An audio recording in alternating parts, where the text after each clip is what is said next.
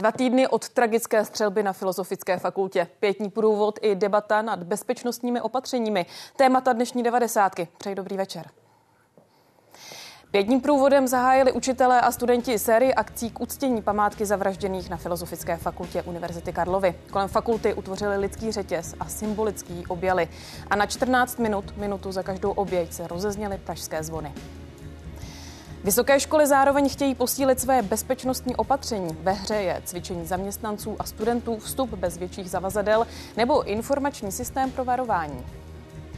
A hospodaření státu loni skončilo se schodkem 288,5 miliardy korun.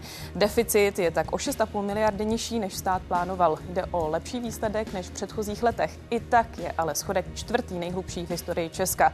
Veřejné finance probereme po deváté hodině.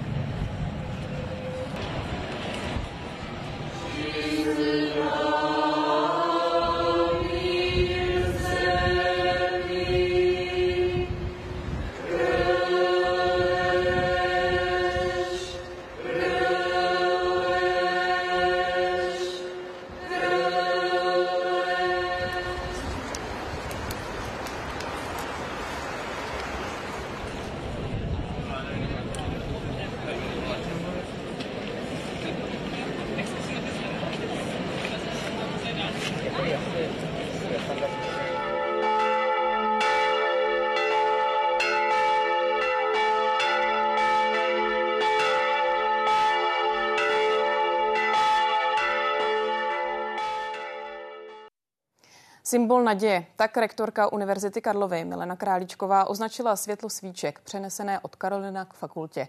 Průvod ho podle ní nesl za ty, kteří už to nemohou udělat sami. Zároveň s děkankou fakulty vyzvali, aby si lidé naslouchali a stáli při sobě nejen v těchto dnech. Mě osobně povzbuzují slova studentů, která říkají, že nenávist nezvítězí. Budeme žít a budeme studovat dál. Naše akademická obec je raněná, ale není zlomená. Máme své nabité vzdělání, to, co nám univerzita dává a umožňuje, užívat vždy pouze ve prospěch lidstva a lidských bytostí. Odnesme si, prosím, v sobě zkušenost, že jsme si vědomi tohoto slibu a podle něj žijeme. Je to dobrá zpráva o nás a o našem světě. A ve vysílání 90. vítám našeho prvního hosta, kterým je Tomáš Konečný, doktora, doktorant z Filozofické fakulty, který byl naším hostem před 14 dny bezprostředně po střelbě a dnes opět znovu. Děkuji za to. Děkuji, hezký večer. Ty záběry jsou velmi silné i pro někoho, kdo se na to dívá jen takto skrz ty obrázky. Co se honilo vám hlavou tam na místě? Musím říct, že to byla směsice několika pocitů a byť jsem sám neočekával, že bude pro mě, řekněme, tak emočně silným zážitkem dojít k té budově, tak skutečně eh, atmosféra toho místa eh, i, řekněme, účast eh, ať už studentů, akademiků, zaměstnanců, ale i širší veřejnosti v tom prostoru po těch dvou týdnech vyvolala spoustu různě, jak to říct, smutných a, a dojemných pocitů. Byl velmi hez, byla velmi hezká, řekněme, ta pospolitost a solidarita a myslím si, že nakonec velmi s takovým převádějícím pocitem byla v zásadě i naděje toho, že jsme tam společně zvládli dojít, že jsme jaksi mohli takto si po dvou týdnech víceméně velmi jako důstojně, pětně připomenout ty události a že to pro zúčastněné bylo daleko lepší, než k té budově chodit, řekněme, samostatně, individuálně. Takže na, a nakonec i takový vlastně vděk uh, zapojeným spolkům za to, zejména studentské radě Filozofické fakulty, za tu organizaci a za to, že tento nápad byl vlastně takhle brzy realizován.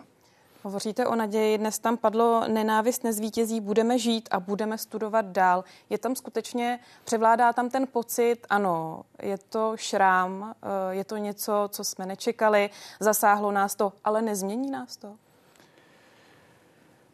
Nemohu asi jako mluvit za většinu studentů, ani, ani za všechny. Tady mohu mluvit skutečně čistě za sebe a já se domnívám, že univerzita jako taková a univerzitní společenství ukazuje svoji vlastně kvalitu, svoji hodnotu i v tom, že drží pospolu v těch těžkých časech. A tohle je jedna z velmi jaksi těžkých uh, momentů, zejména pro filozofickou fakultu, která uh, přece jenom z pohledu běžného i studujícího za těch několik let si prošla posledních řadou krizí, ať už dlouhým, dlouhým vlastně uzávěrkou přerušením výuky, ať už potížemi, řekněme, s odlivem zaměstnanců a s finanční stránkou, tak není, není těmihle. Ale to, že stále vlastně se věci zvládají, řekněme, udržet v chodu, to, že uh, ta fakulta, řekněme, drží pospolu, je v tomhle ohledu určitou, to říkám, výzvou a nadějí v tom, že zřejmě a snad pokračovat uh, budeme být s vědomím a s připomínkou uh, toho, co se stalo. Jak obecně hodnotíte výstupy eh, od vedení univerzity, od vedení fakulty? Eh, souzníte s tím, co zaznívá eh, od těchto představitelů? Rozhodně. Já myslím, že dnes oba dva vlastně úvodní projevy, jak paní děkanky, tak paní rektorky, byly velmi vhodně zvolené, byly velmi příhodné tomu místu. Nakonec i ten apel právě na univerzitní společenství a na tu pospolitost byly něčím, co podle mě v tento moment má zaznít a je velmi dobře, že to zaznívá. A stejně tak je potřeba vlastně vyzdvihnout tady úsilí jak Filozofické fakulty, tak Univerzity Karlovy jako celkem. Musíme si uvědomit, že od té události uplynuly v zásadě dva týdny. Je to velmi čerstvá uh, věc pro mnohé, i, i jak si osobně se dotýkající. A mezi tím byly, řekněme, vánoční svátky a období jako celkového klidu. A přesto uh, se řada těch věcí ve velmi rychlém eh, tempu a díky vlastně ohromnému osobnímu nasazení eh, lidí, kteří by jinak eh, byli doma, řekněme, se svými blízkými trávili dovolenou, věnovali se zkrátkým záležitostem, tak přesto v těch dnech vlastně přišli na tu univerzitu pomáhat a zrealizovat vlastně ve velmi rychlém čase ohromné množství podpůrných opatření, ohromné množství kroků, tak, aby se ta situace mohla vrátit k nějakému normálu a tak, aby fakulta mohla začít znovu vlastně žít a fungovat. On úplně návrat k normálu to nebude z jednoho hlediska bezpečnostní opatření. To je bez pochyby velká debata, obzvlášť pro vás uvnitř akademické obce, jak to bude vypadat. My tady máme ostatně i jeden uh, dotaz přímo od diváka Lukáše. Není omezení velkých zavazadel na fakultě přesně ten typ opatření, který jen málo komplikuje život zločincům, ale o to víc ho komplikuje všem ostatním? Jak vy se díváte na ta plánovaná opatření? I, jakkoliv to otázka může znít na, na první pohled logicky, tak já s, tímto zatalem ředitelem tak úplně nesouhlasím, protože musíme si uvědomit, že budovy filozofické fakulty jsou v zásadě v úzkém centru Prahy a studenti ne vždycky, nebo málo kdo eh, se prostě běžně v, té v tom centru Prahy pohybuje, že je to znamená momentu, kdy ať už ve čtvrtek, v pátek odjíždí třeba na víkend za rodinou, nebo naopak přijíždí v to pondělí z nějaké třeba vzdálenější lokality, tak skutečně tak velmi často má prostě velké zavazadlo. Je celkem logické, že v té budově uh, ho někde umístí, uskladní a pak s ním třeba přijíždí na, to, na ty koleje nebo na to jiné místo, kde, kde bydlí. A zase si musíme uvědomit, že, ta, že ty dopravní vzdálenosti uh, mezi tím centrem, kde fakulta je a tím místy ubytování se často trvají jako neuměrně dlouhou dobu, takže naopak je jako v celku běžné a logické, že v určitých momentech si velká zavazadla uh, studenti, zaměstnanci a další na, na tu fakultu nosí a omezovat to je vůbec otázka, jakým způsobem. Prostě plošný zákaz vnášení zavazadel do budovy si nemyslím, že by, že by fungoval a že, že by jako nevpouštěli řekněme, studenty s, s větším zavazadlem, pod, podobně jak některé třeba aerolinky do letadel, to si vůbec neumím vlastně představit. To je z úplně jako jiného světa, než je ten univerzitní. Takže jste rád, že z té debaty, zdá se, vypadly ty bezpečnostní rámy, předpokládám. To, co se objevovalo v té první vlně, je plné emocí. Ano, ono je to jako logické, že všichni se snaží najít nějaké řešení, nějaké preventivní opatření do budoucna, ale i při těch dispozicích budov a vlastně tom průchodu uh, osob uh, budovy filozofické fakulty. Pořád je to v podstatě největší, pokud se nebylo to fakulta v téhle zemi se sedmi, osmi tisíci studenty, uh, není ani kapacitně možné jako mít třeba plošné kontroly, rámy, turnikety. Uh, ta, ty budovy na to nejsou stavěné a v momentě, kdy jenom jeden jediný kurz o 200 studentech, který začíná ve 14.00, znamená, že prostě 100 studentů dobíhá do budovy, v ten moment prostě není vůbec možné tohle bezpečnostně ohlídat a ty turnikety a další, další rámy by způsobily daleko více komplikací než, než řešení.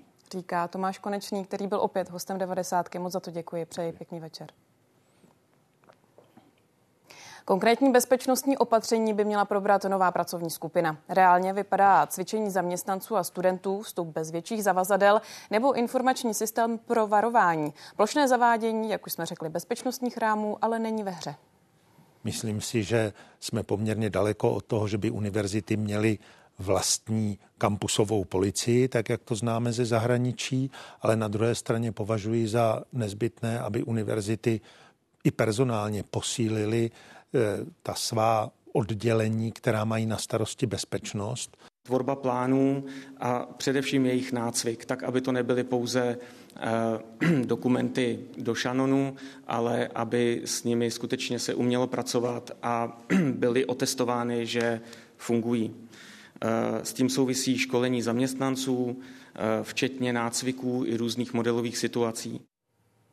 Bezpečnost na českých školách je téma, které se řeší a řešit bude. Kam až mají sahat opatření, aby chránila, ale neničila svobodu akademického světa, který je ze své podstaty otevřený všem. To teď probereme s našimi dvěma hosty, kterými je Apolena Rychlíková, novinářka a režisérka, a také Jiří Přibáň, profesor právní filozofie a sociologie, ředitel Centra pro právo a společnost Univerzity Cardiff. Přeji vám pěkný večer.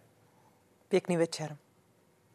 Dobrý večer z Cardiffu. Já bych začala dvěma titulky. První bezpečnost nejsou jenom rámy a kamery, druhý bezpečnostní rámy vytvářejí falešnou iluzi klidu, univerzity musí zůstat otevřené.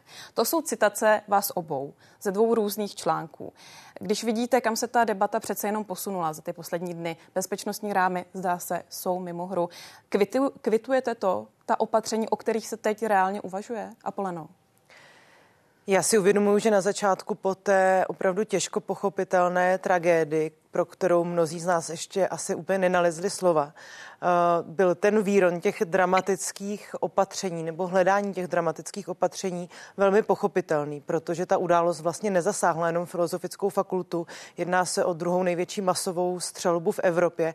Je to událost, která se trvale vypíše do nějaké psychologie České republiky a je úplně srozumitelné, že mnozí lidé volají po těch tvrdých opatřeních. Ale já jsem právě velmi ráda, že momentálně se ta debata přesouvá trošku jiným směrem a že některá ta opatření jsou už ze stolu, protože si myslím, že by mohla přinášet další zátěž pro studentstvo filozofické fakulty nebo obecně pro studentstvo univerzit, což je momentálně skupina, která je nejvíc zranitelná.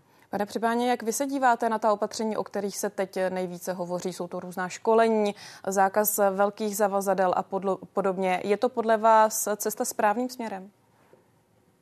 Eh, já bych eh, především chtěl říct, že eh, ta reakce univerzity a celé společnosti je obdivuhodná, je správná a eh, po těch prvních momentech, kdy samozřejmě to všechno bylo rozjitřené, se diskuze stává věcnou, včetně té bezpečnostní. Takže eh, opravdu mm, paní rektorka, paní děkanka, celé vedení univerzity si tady zaslouží obrovskou pochvalu, jakým způsobem se ta debata začala odvíjet.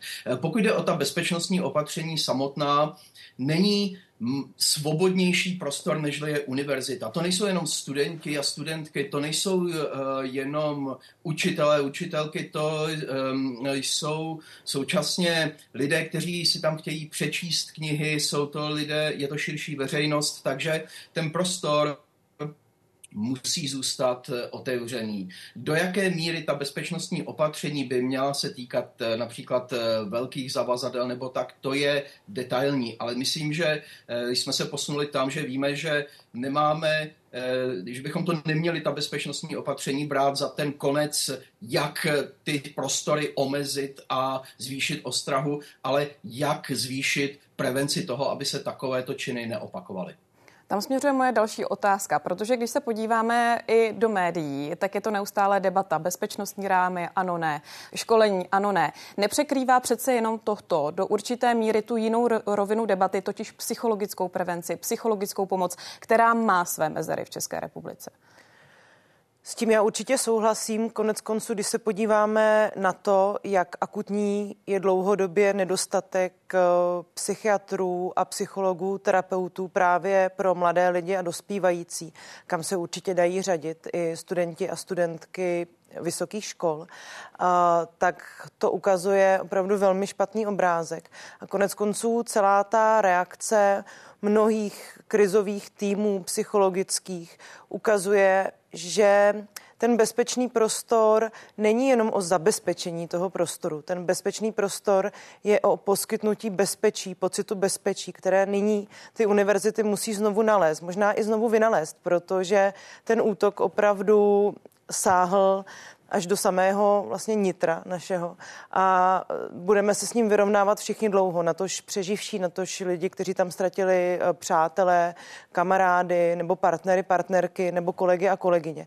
A tady opravdu musí nastoupit nějaká masivní podpora oblasti, v oblasti toho duševního zdraví, protože ta traumata se můžou projevovat různě a může to ještě nějakou dobu trvat. A já jsem velmi ráda, že Filozofická fakulta i Univerzita Karlová se soustředí právě i na, to, na tato měkká opatření, protože se ukazuje, že je po nich hlad.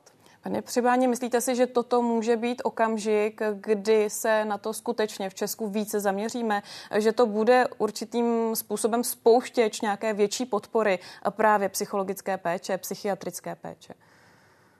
Ehm, asi bychom si eh, na začátku měli vytknout před závorku to jednoduché rovnítko mezi střelec a psychicky nemocný člověk, protože eh, jsou lidé, kteří zabíjejí a nemají psychické poruchy. To, a takže toho bychom se měli eh, vyvarovat, ale je rozdíl mezi psychopatem a psychotikem a, um, ale určitě je, existuje souvislost mezi psychickým zdravím eh, společnosti, nejenom jednotlivců, a rizikem takovýchto masových eh, vražd. Spojené státy jsou to klasickou ukázkou, ta spojitost mezi psychickou poruchou a masovou střelbou existuje. Eh, současně s tím by eh, se zkvalitněním eh, psychologické podpory, psychologické péče je třeba zamyslet se nad tím, jak se vydávají zbrojní pasy, jestli by neměly být psychologické testy součástí podmínek vydávání zbrojního pasu. Neměli bychom to nějakým způsobem vyhrocovat tu diskuzi, ale je zcela věcné ptát se, jaké zbraně, jakým lidem patří do ruky. O tom bychom měli vést širší debatu i zákonodárci, i psychologové, i učitelé, lékaři. Jedna věc, kde mě zajímá názor vás obou. Eh, jméno, obličej, motivace, příběh vraha. Jak moc bychom měli chtít znát tyto věci, jak moc eh, řekněme, pojmenovávat to zlo. Hmm. Já chci asi tady na tomhle místě poděkovat médiím, která se rozhodla chovat ehm, v tom případě z 21.12. eticky. Ehm, myslím, že to je velmi důležitá zpráva i o českém mediálním prostoru. Bohužel tomu tak nebylo všude a vždy. Já sama jsem toho názoru, že takové věci jako obličej, jméno, motivace by se neměly stát předmětem toho našeho bulvárního zájmu. Úplně lidsky a psychologicky rozumím tomu, že se lidi vlastně ptají, kdo byl ten pachatel. Na druhou stranu je potřeba si uvědomit, že zkušenosti ze zahraničí nás učí tomu, že opakované sdílení té jeho motivace a nějakých jeho motivů obecně může být i způsob, eh, jak někoho inspirovat k něčemu podobnému. To je jedna stránka věci. Druhá stránka věci je, že něco takového může vést k retraumatizaci těch přeživších.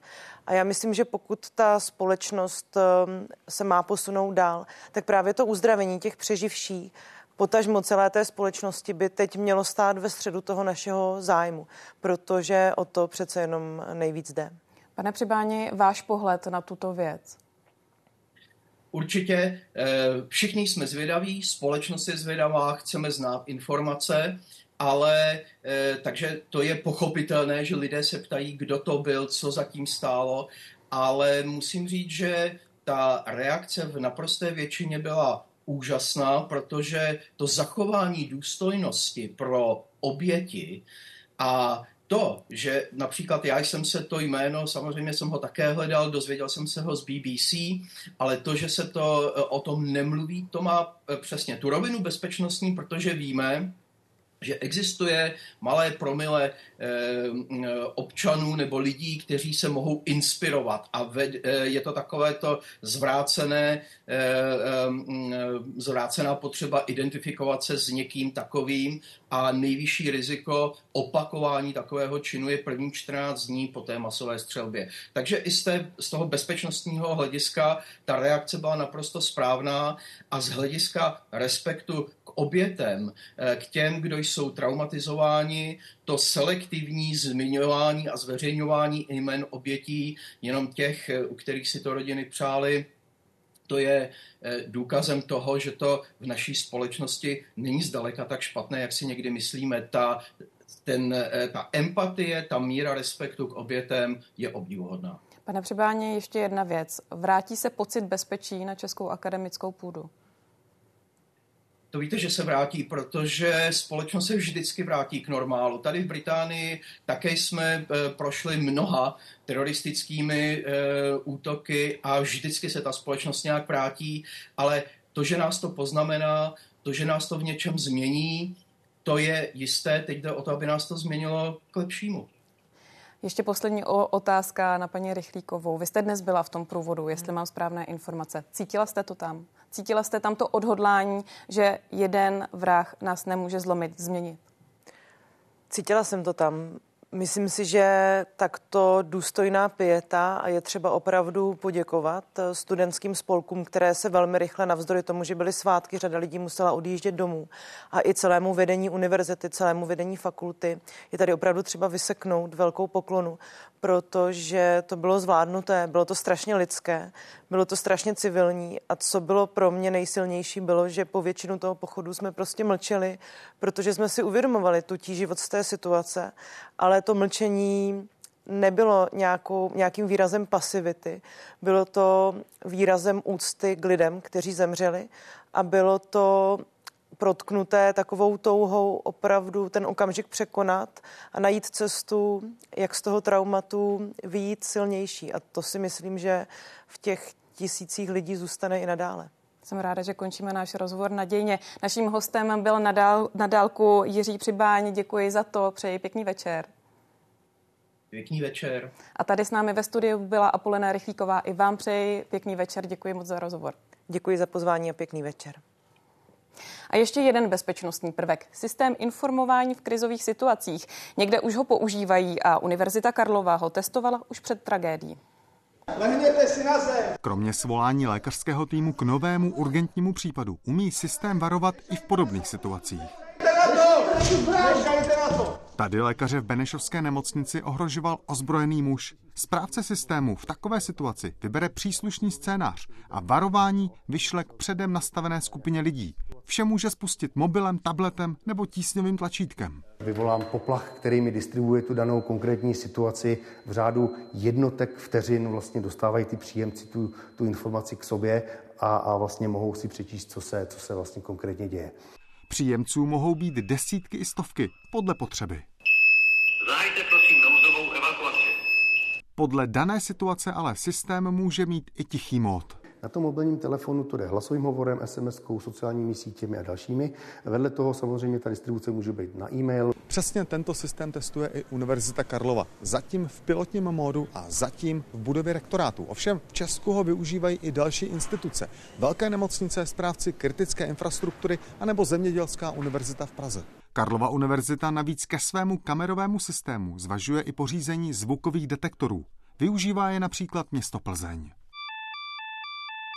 Veškerý zpracování zvuku jde, je na tom eh, samotném zařízení a ven se posílá jenom informace, co se stalo kde. Podle bezpečnostního poradce Univerzity Karlovy je ale klíčová následná správná reakce aby ten příjemce takové informace, ať už to bude primitivní křik, nebo sofistikovanější přenos kamer, nebo ještě sofistikovanější vyhodnocení nějakých čidel AI a, a podobně, tak aby ten člověk, ten lidský faktor věděl, co s tím má dělat. Podle výrobců bezpečnostních systémů jsou proto důležité i podobné nácviky správné evakuace. Jaroslav Zoula, Česká televize. A ve vysílání 90. vítám našeho dalšího hosta, kterým je Monika McGonagall-Pajerová, vysokoškolská pedagožka z Anglo-American University a také místo předsedkyně Rady Ústavu pro studium totalitních režimů. Zdravím vás, přeji pěkný večer. Dobrý večer, děkuji za pozvání a dovolte mi, abych pozdravila svoje kolegy a studenty z Filozofické fakulty. Já jsem tam nechtěla začínat, ale teda možná pojďme eh, k tomu. Vy sama jste vysokoškolská pedagožka, jste absolventkou, máte k tomu místu vztah, byť tam teď neučíte. Eh, jak to prožíváte? Třeba přemýšlíte i nad tím, co řeknete studentům, až se vrátíte do školy? Je to strašný pocit, protože filozofická fakulta je, to není škola jako každá jiná. Když studujete na té fakultě a chodíte po těch schodech a do těch učeben a znáte ty lidi, kolegy, studenty, ehm, chodíte se tam občas dívat, co se děje nového, jaká je debata nebo konference a tak dále, tak eh, v těch zdech něco je, je tam prostě Tomáš Garik Masaryk, je tam Václav Černý, je tam Růžena Vacková, je tam Jan Palach. Eh, jsou tam ti stávkující studenti z roku 68 a 69 a samozřejmě někde tam jsme také my z toho roku 89. A je hrozné, že my jsme vlastně s nějakým rizikem počítali. My jsme měli dole studentské hlídky a počítali jsme s tím, že lidové milice nebo armáda nebo policie můžou tu fakultu obsadit a, a že to s námi nemusí dopadnout dobře. Ale nikdy by mě nenapadlo, že se to stane teď, v době míru před Vánoci. Já jsem se tam nedávno šla podívat právě do toho patra, kde je germanistika, skandinavistika, protože jsem studovala švédštinu, němčinu, angličtinu a jenom jsem se tak dívala, co je nového a je fakt, že mě trochu překvapilo, že nikdy si mě vlastně nikdo jakoby nevšiml, nebo lidé mě zdravili, dobrý den paní doktorko, ale nikdo se jakoby neptal, co tam dělám, ačkoliv tam momentálně neučím.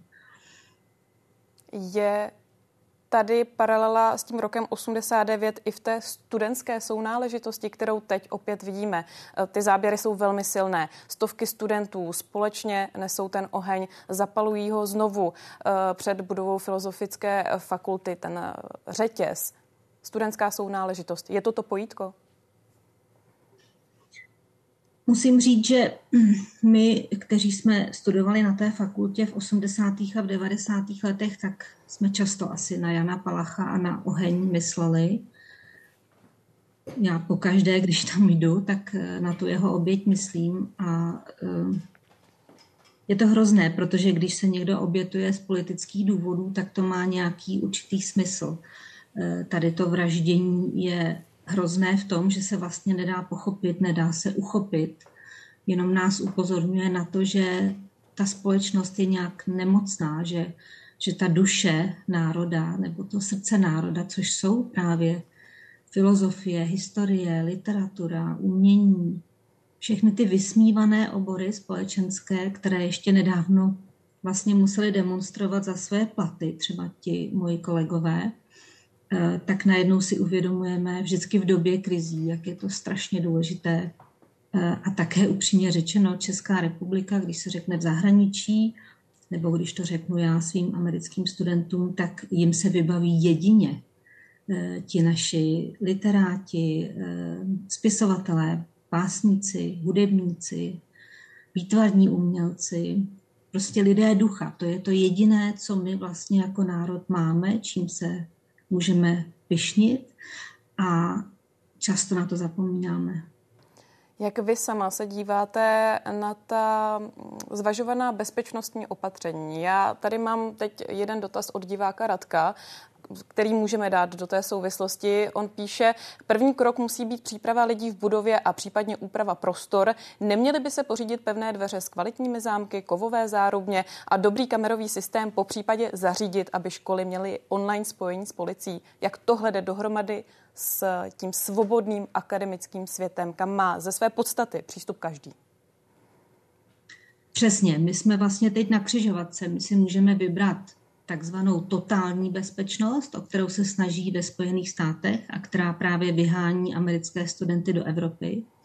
A nebo budeme hájit ty své akademické svobody, tu volnost, tu svobodu, tu důvěru v lidi a kvůli jednomu opravdu nemocnému člověku, šílenci, eh, nebudeme zavádět eh, ta opatření, která jsou ve Spojených státech, která jsou naprosto otřesná. Pokud by se tady každý měl ozbrojit a pokud v každé budově by měly být ty rámy a kontroly a každý se bude bát každého, tak nejenže američané nebudou mít důvod jezdit studovat do Evropy, protože to tam mají, ten všudy, všudy přítomný strach, ale také my se budeme bát jeden druhého. Monika McGodonak Pajerová byla hostem 90. Moc děkuji za váš komentář, za to, že jste si našla čas. Pěkný večer. Děkuji a zdravím všechny.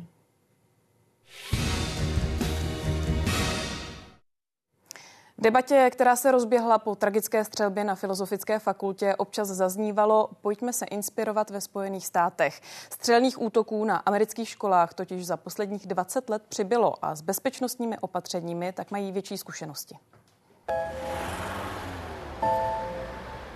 Tohle video my ukazujeme všem studentům na našem přípravném kempu, kde právě eh, můžou vidět naprosto typickou situaci a jsou tam vlastně ukázané tři ideální možnosti, které studenti můžou, můžou zaujmout. V této agentuře zas před odletem mluví o celkové bezpečnostní situaci a taky o držení zbraní ve Spojených státech. Praktickým cvičením pak studenti projdou až na místě, třeba jako jedna ze studentek v Michiganu. Vím z toho tu její emoci, která, která říkala, že byla velmi silná, že to byl velmi silný zážitek zážitek uh, si tím projít a že se cítila jako velmi reálně. Podle agentur čeká studenty, kteří se do USA chystají příští rok víc takových instruktáží přímo na školách. Počítat by prý měli i s přísnějšími bezpečnostními opatřeními. Markéta Žižková a Denisa Kotková, Česká televize. A co všechno musí absolvovat studenti na amerických školách, tak to teď probereme s posledním hostem dnešní devadesátky, kterým je Betty Amélie Boráková, která studovala právě v americké Oklahomě. Zdravím vás, přeji pěkný večer. večer. Na amerických školách se pravidelně trénuje, co dělat, pokud se právě ve škole eh, objeví střelec. Možná pojďte nám popsat eh, krok po kroku, jak takové cvičení vypadá. No tak vlastně uh, začíná to úplně normálně. Všichni sedí v lavicích, je výuka. Uh, potom uh, ve školním rozhlase rozhlásí, že se jedná o school shooting, neboli, neboli je to poplach, že tam je uh, teroristický atak na školu. A vlastně Panika není veliká, ale uh, všichni jsou tak nějak v napětí. Vede to ten učitel, který vždycky ví, co má dělat.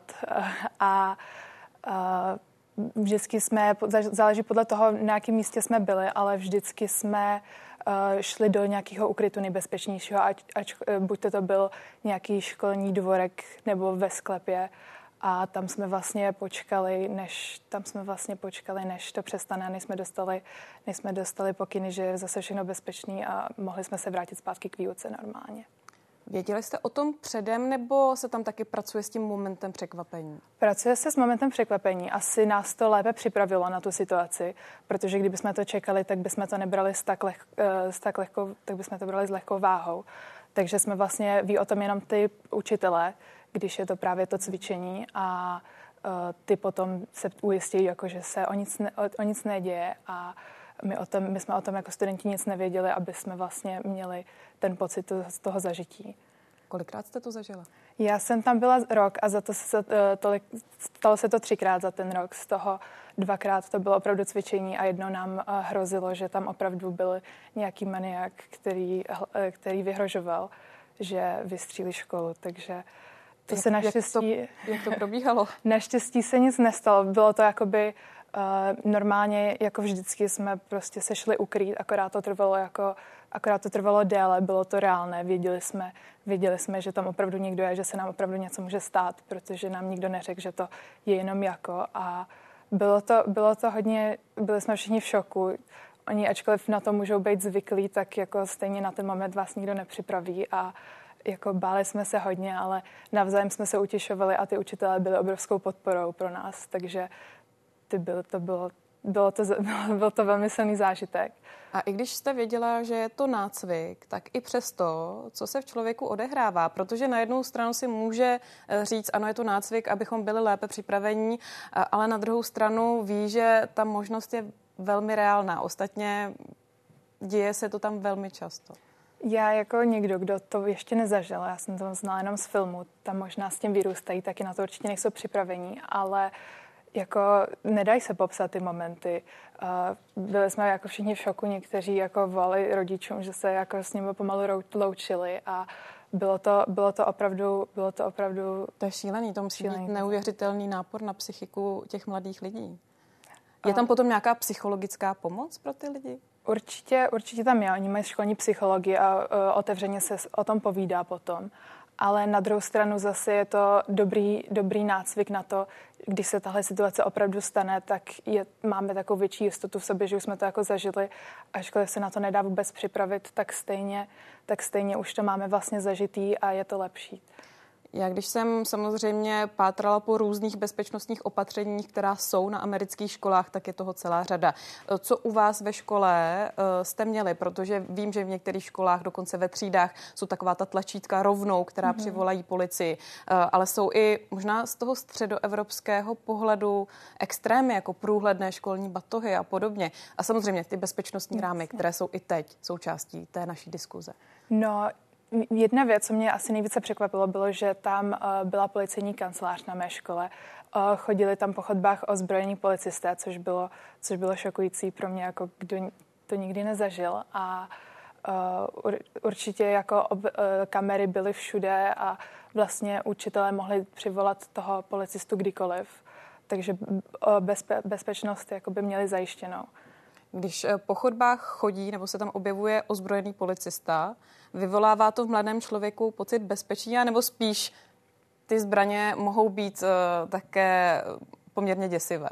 Uh, upřímně, když jsem to poprvé viděla, tak mě to hodně vyděsilo. Říkala jsem si, ty kam to, kam to dneska spěje. Ale uh, zároveň jsem si říkala, oni tu jsou pro ten důvod, aby nás ochránili a vlastně proto to tam taky byli a tak jsem se jako pomalu začala cítit více a více bezpečněji. Ale když jsem poprvé jako viděla, že tam někdo chodí po chodbách, tak to bylo jako něco taky šokujícího velmi. Co lékárničky a první pomoc? Eh, je to také součástí právě tohoto balíku bezpečnostních opatření, určité reakční schopnosti na ty situace, které mohou nastat? Určitě. Lékárničky byly uh, v každé místnosti pomalu. První pomoc na začátku, na začátku jsme měli takový lehký školení, že nám ukazovali, co se, co se jak dělá, kdyby se náhodou něco stalo a to patřilo právě k těmhle těm nácvikům také. A vlastně měli jsme ve škole i měli jsme ve škole i specialisty, kteří byli trénovaní na to, kdyby se něco takového stalo. Zvažovala jste tento aspekt svého pobytu e, ve Spojených státech ještě předtím, než jste tam odjela? Bylo to něco, co vám vlastně vytanulo na mysli? Jo, rozhodně ano. O těch, rizi, o těch rizicích jsem přemýšlela, ale moje touha to dokázat a je tam byla příliš veliká a kdyby to člověk bral takhle, takovýhle myšlenky měl ohledně všeho, tak vlastně bych ani, tak bych se ani nedostala nikam pomalu z České republiky. Takže určitě to bylo něco, o čem jsem přemýšlela.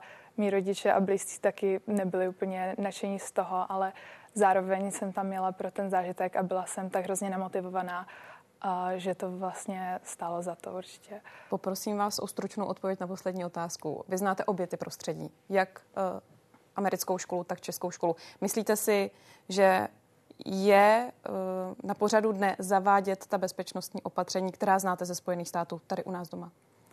Já si myslím, řekla jste jednoduchou odpověď, ale myslím si, že ano, že to určitě není na škodu, že vlastně tu jistotu toho mít tu, to cvičení není vůbec, není vůbec špatné a z toho, co se teďka dneska děje, tak myslím, že by to i pomohlo nějakým studentům se cítit takhle bezpečněji. Betty Amélie Boráková a její zkušenost z americké střední školy. Moc za to děkuji, přeji pěkný večer. Taky moc děkuji, hezký večer i vám. A na závěr devadesátky se vrátíme k dnešní pětě. Jde totiž o začátek měsíce pro fakultu, kdy se bude konat řada vzpomínkových akcí. Běžnému chodu se tam ale ještě několik týdnů nevrátí. I část letního semestru budou někteří studenti trávit v prostorách jiných fakult odsaď prostě vyjde paní rektorka s děkankou a vedením tamhle vezmou světlo. Většina z nich sama studuje na Filozofické fakultě. Padesátka dobrovolníků, kteří budou pomáhat s organizací průvodu, se schází už dopoledne. Trasu, kudy za tři hodiny projde několika tisícový dav, nejdřív sami procházejí. Tady bude někdo stát, že jo? Pomáhat bude i Jan Kolínský, student čtvrtého ročníku politologie. Jsme tady a Filozofická fakulta dál pokračuje a ty studenti jsou tady dál a nejsou tím úplně jako uštopaní do země. Se stejnou myšlenkou plní o půl druhé prostor pod černým praporem na Stavovském divadle další lidé. Někteří se objímají. Pak náměstí stichne. Z proslovy vystupují rektorka i děkanka. Naše akademická obec je raněná, ale není zlomená. A naše kroky dnes ulicemi Prahy směrem k Filozofické fakultě budou symbolizovat i naši cestu k uzdravení. A neby jak to pro nás pregnantně vyjádřil ve slavné básni Paul Valéry. Zvedá se vítr, zkusme žít. Z pětního místa berou světlo, s ním pak dav, ve kterém se prakticky nemluví, vyráží směrem k Filozofické fakultě. Prochází přes staroměstské náměstí. Před fakultou se pak průvod rozděluje na dvě křídla, jedno vedené rektorkou, druhé děkankou. Průvod tak obestoupí celou budovu. Někteří se drží za ruce. Lidé rozestoupeni v několika řadách za sebou, pak okolo budovy fakulty stojí v naprosté tichosti několik desítek minut. Uvnitř budovy zůstane ticho ještě minimálně do konce ledna. Interiéry jsou po střelbě stále poničené. Došlo například ke zničení více než 130 dveří, které je třeba opravit nebo i někdy vyměnit. Eh, ty opravy dveří budou stát několik milionů, další škody ještě vyčíslené nemáme. Studenti by se tam mohli začít postupně vracet v průběhu letního semestru. Ten začne dle harmonogramu 19. února. Mezitím pokračuje předávání věcí těm, co před střelbou utekli. V současné době máme vydaných asi 85 všech věcí, které na Filozofické fakultě eh, z těch osobních, uh, osobních předmětů zůstaly. Svíčky, květiny a vzkazy by měly z prostoru před Karolinem začít mizet zítra v 10 hodin. Část z nich by měli dostat k dispozici umělci. Využít by je měli k tvorbě stálého pětního místa na Filozofické fakultě. Dnešní pětu završilo 14 minut úderů zvonů. Jedna minuta za každou oběť. Na náměstí Jana Palacha za ně do konce měsíce bude hořet oheň, jako symbol naděje do budoucna. Zapal